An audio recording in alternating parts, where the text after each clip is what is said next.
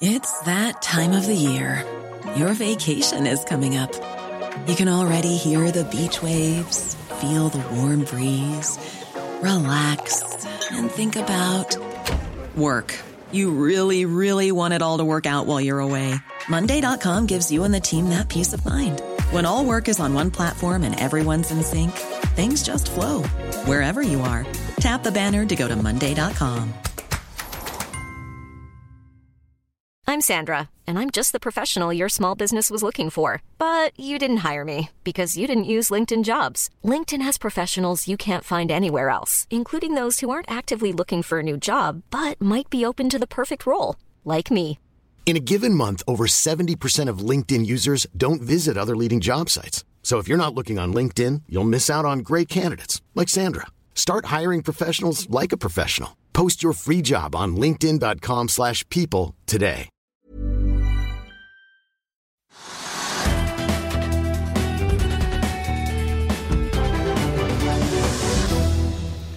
Velkommen til Økonominyheter. Akkurat nå er vi opp, Trygve. 0,5% ligget rundt der stort sett eh, store deler av dagen. Hva er det som preger Oslo Børs i dag? For det første så er det jo slik at børsene, De vestlige børsene de dundrer av gårde som et sånt tog fortsatt. Det er ingen stopp noen steder. Vi hadde nye rekorder i USA i går, og også Europa var sterkt. Så Oslo Børs er liksom siger med på dette her. Det er ikke noen sånne store nye makrostørrelser i Norge. Det er ikke noe særlig mange og sterke makrostørrelser i utlandet heller. Men det er liksom toget ruller. Altså Det ruller i USA, og det ruller andre steder. Og, og det er klart det er Norge litt med på det. det. Men det som da kan kanskje holde markedet ganske sterkt i Norge, det er da at oljeprisen er sterkere. Om det er sterk som kan bli, det vet jeg ikke. Men oljeprisen ligger på 59,5 dollar, og det er en sterk oljepris. Den var jo nede i ja, noen og 50-tallet. Vi var redd den skulle gå på 40-tallet. Så vi har en relativt sterk oljepris, og oljeaksjene de stiger kanskje en halv prosent eller et kvart prosent. Så det er en makrostørrelse. Det driver. Men så er det massevis av selskaper som har kommet, eller mange selskaper som har kommet med tall. Og noen av de er ganske interessante og spennende, og de drar også markedet, at liksom skaper optimisme i markedet. Selv om det ikke er noen sammenheng mellom bank og fisk, eller hva det måtte være, så er det en sammenheng i at Stemningen blir ganske god når noen kommer med gode tall og kursene går. Ja, Det er i hvert fall to aksjedag som har lagt frem tall som utpreger seg på vinnerlisten. Jeg vet ikke om du vil med Tomra eller Bank Norwegian? Bank Norwegian er jo, er jo interessant, for det, altså, det, er klart dårligere tider for forbrukslånsbankene. Det er for mange av dem. Og de har begynt å tappe penger. De tapte ikke penger til å begynne med, men så er det kanskje ikke systemet gode nok, eller volumet har blitt så høyt at de ikke kontrollerer og, og på en måte har den samme kredittbehandling som de burde hatt eller skulle hatt. Så forbruksbankene generelt sett taper mer penger. Taper penger.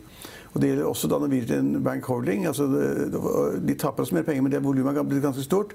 Og de tjener masse penger. Tjener et par milliarder kroner, så det er imponerende. Og... Ja, de satt vel igjen med 676 millioner på bunnlinjen. Nei, ikke mot... på året. På året ja, ja.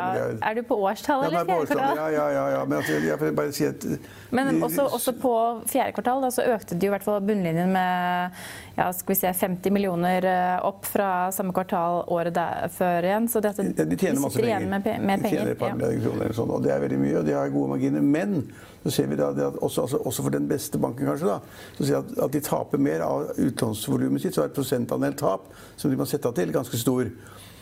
Men de, selv om det da går bra, tjener penger og volumet øker, og det ser litt skummelt ut, men at alle bankene liksom har større tap, så mener de nå det at det er så vanskelig å vokse i volum og gi flere lån til folk eller selskaper. Eh, I og med at det er forbruksbank, og de sier at det er så mange som konkurrerer, der, at de da sier til, sier til, sier til markedet og aksjonærene sine at vi skal øke utbyttet, for dere trenger pengene mer enn oss, for vi kan ikke bruke dem. Og vi skal også kjøpe tilbake aksjer i markedet fordi vi trenger ikke penger, som da kanskje kunne vært lånt ut. Og Det er et ganske tøft budskap å si at vi øker, budskap, øker utbyttet og vi øker da tilbakekjøp av aksjer for å gi dere penger tilbake, for vi trenger dem ikke. Og Til sammen utgjør det vel 3,98 kroner ja, per aksje? Ja, ganske mye penger da. Og Det betyr ja. at aksjekursen er da opp 15% i dag. Så det er et ganske uvanlig trekk av en bank å si og gjøre. Og så har du da Tomra, som mange analytikere har sagt er veldig, veldig, veldig høyt priset. Men så er det også det er en av de aller få grønne aksjene vi kan si vi har på Oslo Børs. Det er ikke mange av dem, men den er en av dem. Og de la frem tall i dag og fikk et resultat per aksje på 1,8 kroner mot 1,57 kroner i samme kvartal i 2018. Ja, altså, jeg bør ikke gjenta det du sier. Altså, de tjener penger, er flinke. Har vel vært nærmest all time high i det siste også.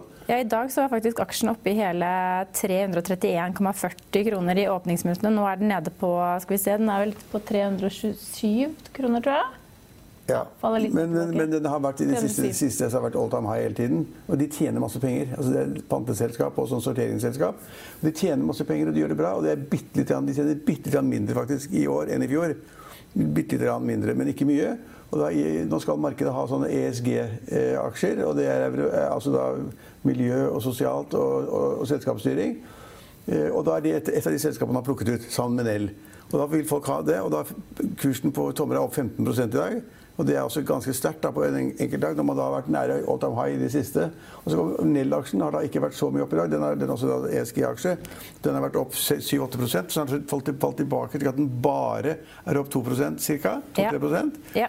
Og det, kan, det kan jeg altså De tingene jeg ønsker og gjerne vil forklare eller forsvare sånn til kurser, da må jeg forstå det. Altså de underliggende eh, for, eh, for, forholdene. Og det gjør vi på Bank Norwegian, det gjør vi på Tomra. Men på Nels gjør vi det ikke. Der er kursen går rett opp, og det er fordi at den også er en ESG-aksje. Men det er så langt frem i tid. Altså, men... hydrogen, nei, hydrogen, er så langt frem i tid at det er ikke noe tallmateriale som kan tilsi at kursen går og går og går. og går.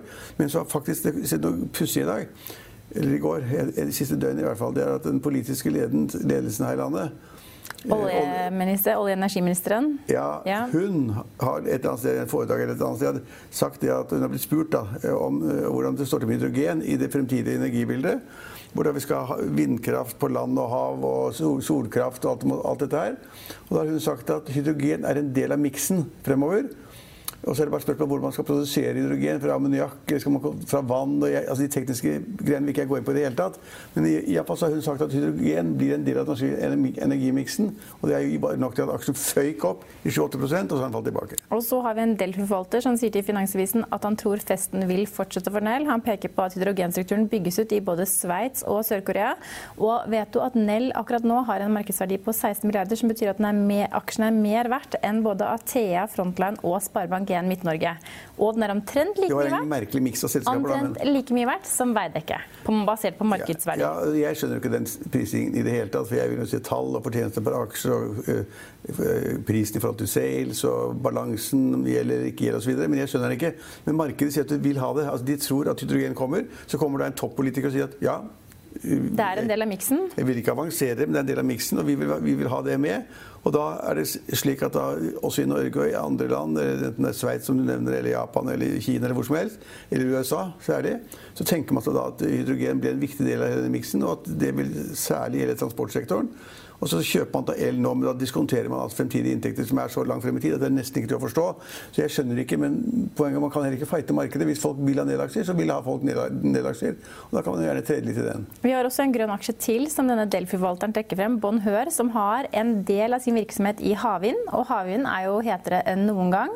Og Bonheur har faktisk gått fra 110-12 kroner til 225 på det meste, men nå 218-17 ja, kroner på et år. Ja, men det er en kjempekomplisert historie. Jeg tror ikke vi kan ta hele den historien. For de hadde også da et, et riggselskap som da gikk, nærmest gikk mot konkurs og ble avviklet.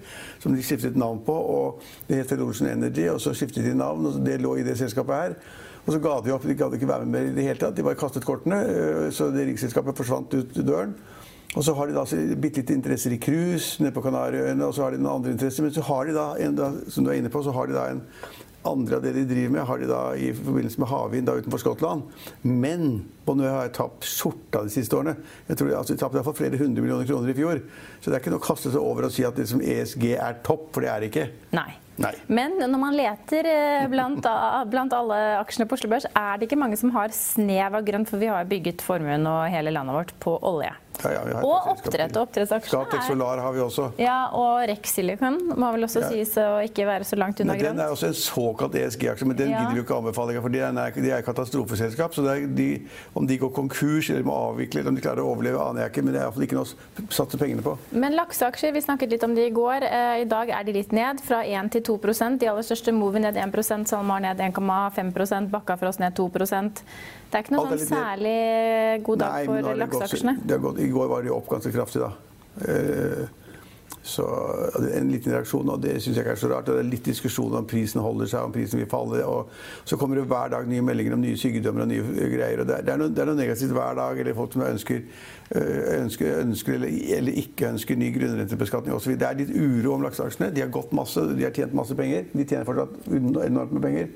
Så at det er en liten korreksjon i dag, det syns jeg ikke er så rart. Men, jeg skulle bare si et lite ord om Frontline. Nei, men ta, Vi må ta det selskapet som er taperen i dag. Ja, EMGS, som har kommet med ja. et varsel.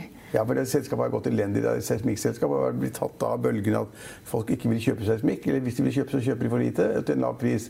Men de er da innen seismikk, som har vært helt elendig, og kursutviklingen har vært veldig svak. Og så fikk de da for en stund tilbake så fikk de da noen ordre i Mexico hos det statlige selskapet PMX. Og da trodde alle at liksom, nå kom det kanskje kunne krabbe seg opp igjen. Og så kom det en melding i dag som jeg var litt kryptisk, hvor de selskapet meldte da at den ordren de hadde med PMX, den var plutselig brutt. Så de, de ville ikke få gjennomført det prosjektet med PMX i det hele tatt. Og dermed forsvant alle inntektene. Og da ja. forsvant også kursen, og kursen har vært ned 30% Ja, faller nesten 31% akkurat nå. Jeg skulle bare si at Danske Bank har tatt kursmål på Frontline ned fra 164 til 106 kroner. Aksjen er ned 0,13% som er eh, veldig lite. Men det betyr at det er fortsatt 35 oppside i aksjen hvis det nye kursmålet til Danske ja, Bank står altså, seg. Vi, vi, kan iallfall ikke anbefale tankaksjer, for det svinger så voldsomt. Altså, en dag er ratene 100 000 dollar per dag, og neste dag så er ratene 15 000 dollar per dag. Men så tror jo både Arne Fredle og Øystein Strasbetalen at dette tankmarkedet is the place to be. Ja, Der tror jeg de har bommet. Det, det, tror jeg, men det vet jeg jo ikke. Det er, det er liksom 50-50. Så de har tatt en kjempespekk på det. Arne Frele har tatt en kjempespekk på tankmarkedet. Det er også litt pga. hvordan skipene bygges og hvilken uh, fuel de bruker, og, og uh, hva regelverket internasjonalt vil være med tanke på fuel og svovelinnhold. Men poenget er det at det er helt når det svinger, som jeg sier fra da, liksom, Plutselig sier alle at nå er det, tank er topp igjen, og båtene får 100 000 dollar per dag i inntekter.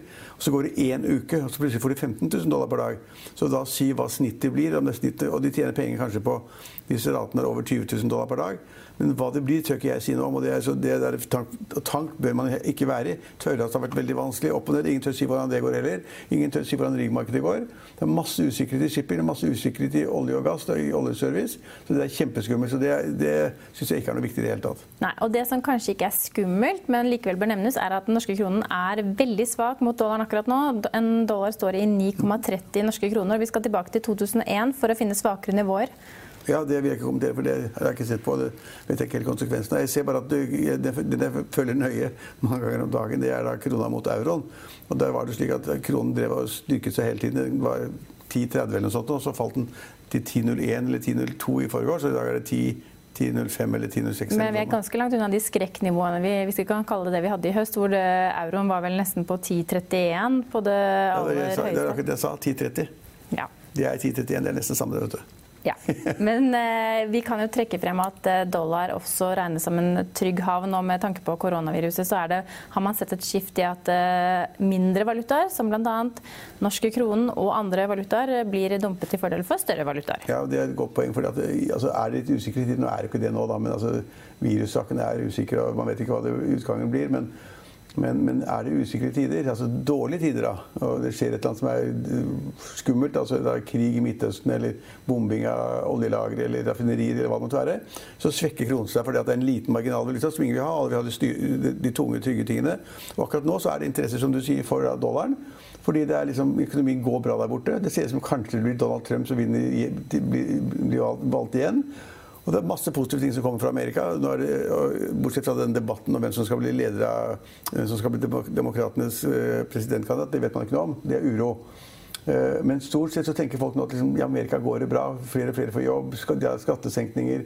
Kanskje renten blir satt ned. Det blir enda, går enda bedre. At alle er overbevist om at Donald Trump før valget i november så vil han gjøre hva som helst, både med lavere renter, fiskalpolitikk og hva som helst, for da å få full fart i økonomien, full fart i sysselsettingen og flest mulig velgere at det henger sammen. Så folk er litt opptatt av dollaren fordi er USA er liksom plutselig hot. Og Demokratkandidatene skal eh, møtes i duell i Vegas, og man tror kanskje at eh, Bloomberg vil være on the defense. Hva, hva, er Michael Bloomberg en trolig kandidat for Demokratene?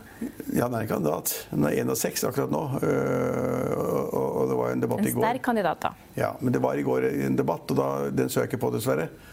Men da, da var det ganske kraftig kost mot hverandre. De skjelte hverandre ut. og, og Lisbeth Warren og andre de brukte da Bloomer som huggestabbe.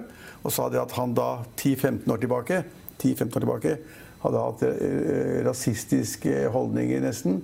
Fordi at politiet i New York da hadde arrestert på løpende bånd afroamerikanere uten at det noe grunnlag for det. Og det var klar skjevhet i at de arresterte helt vilt på åpen gate. Så arresterte de afroamerikanere, sjekket dem, istedenfor å også arrestere hvite. Så Det får han kritikk for rasistiske holdninger. Jeg tror ikke han har det, men altså det sier man. Og så har han kjempekjeft fordi at han da har hatt en kvinnefiendtlig holdning. Og da en av hans ansatte angivelig fortalte at han skulle ha barn, så sa han 'kill it'. Eh, det, det, sier man ikke ustraffet, selv om det er 10 år siden, 15 år siden. Så han ble utsatt for kjempehard kritikk fordi han var rik. Det var ikke bra. At han hadde da kvinnefiendtlige holdninger, og at han var rasistisk. Så han Verre enn det blir det vel ikke i en nei, sånn cocktail at man ikke vil ha i en politisk Nei, det, altså, jeg, jeg, fikk dessverre ikke sett det, men altså, det var en kjempedårlig start for han, da, for han da fikk lov å delta i disse debattene. for det er avhengig av hvor stor oppslutning du har i en del meningsmålinger, så får du delta i debattene. Og han har brukt masse penger, noen milliarder kroner så langt, på da, å, å, å, sikre seg da interesse på meningsmålene rundt omkring i de viktige statene. Så har han så stor oppslutning at han får være med da i debattene og får være med da i avstemningene. Men han, det sies at den ikke kom så veldig godt ut. Vi skal se på den kommer hjem i dag. ja, og denne debatten var jo da den som var i Las Vegas. Så, ja, så blir det flere debatter, og så blir det flere meningsmålinger. Og han da, alle angrep han. Men det morsomme altså, han, han, han sa noe ganske interessant. Han sa i går debatten i går som jeg ikke så, men det bare har lest. Han sa det at den eneste som ler seg i hjel og har glede av den debatten vi har nå, det er Donald Trump. Ja. For at og... Demokratene slåss seg imellom og kaster det over hverandre og, og, og driver med skittkasting av hverandre istedenfor å da konsentrere seg om Donald Trump. Ja.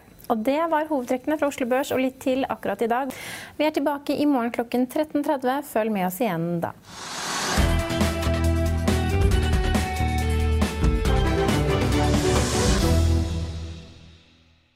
Økonominyhetene er en podkast fra Finansavisen. Programledere er Marius Lorentzen, Stein Ove Haugen og Benedikte Storm Bamvik. Produsenter er Lars Brenden Skram og Bashar Johar.